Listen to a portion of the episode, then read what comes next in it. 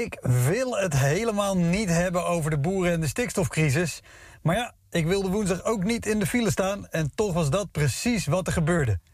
Woensdag was het druk op de snelweg met trekkers. Of, of tractors. ik weet het verschil nooit zo goed. Tractors, trekkers. Laten we het houden op rukkers. Kijk, natuurlijk ben je als boer pissig als je hoort dat jouw bedrijf moet krimpen of mogelijk zelfs weg moet. En natuurlijk ga je dan demonstreren.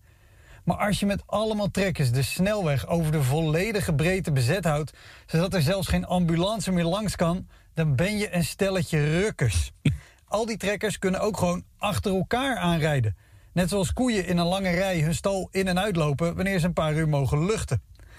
En wat me het meeste stoort, is dat de discussie vervuild wordt met nepnieuws en non-argumenten. Die veelal de wereld in worden geholpen door Caroline van der Plas. De vrouw die eruit ziet als clown Bassie zonder zijn rode kleurspoeling. En sorry, het, het is flauw om haar op haar uiterlijk te pakken. Want met de inhoud van haar boodschap is ook genoeg mis. Ze liegt en insinueert en dat allemaal onder het motto... ja, ik stel alleen maar vragen. Ik heb trouwens laatst gehoord dat Caroline van der Plas elke week gefrituurde kittens eet. waarom is ze daar niet eerlijk over? Waarom eet ze gefrituurde kittens? En waarom zie ik haar dagelijks op tv, maar nooit met een gezellige mand kittens op schoot? Oh, misschien omdat ze die allemaal heeft opgegeten? Nou, ik zeg niet dat het zo is. Ik stel alleen maar vragen, hè? Dat mag gewoon. In 2017 werd het idee Wij maken uw voedsel gelanceerd door Caroline van der Plas.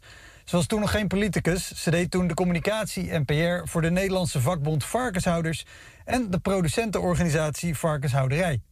Caroline is behalve politicus namelijk ook verbonden aan reclamebureau Remarkable. Dat bladen uitbrengt voor de intensieve veehouderij en werkt voor grote agrarische miljoenenbedrijven.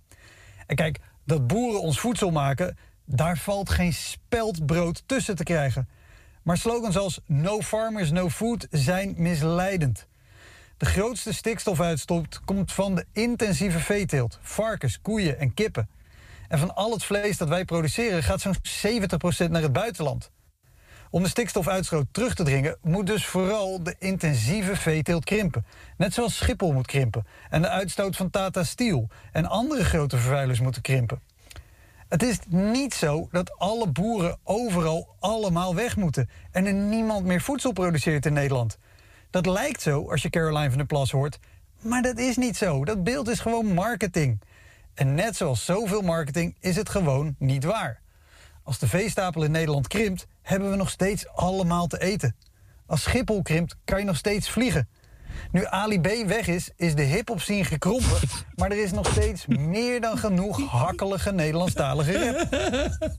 Caroline zaait al die twijfels niet om individuele boeren te helpen, maar om de belangen te beschermen van bijvoorbeeld de familie van Drie en familie De Heus, die dankzij hun veefokkerij en veevoerhandel op plaats 7 en 8 staan in de quote 500 van miljonairs.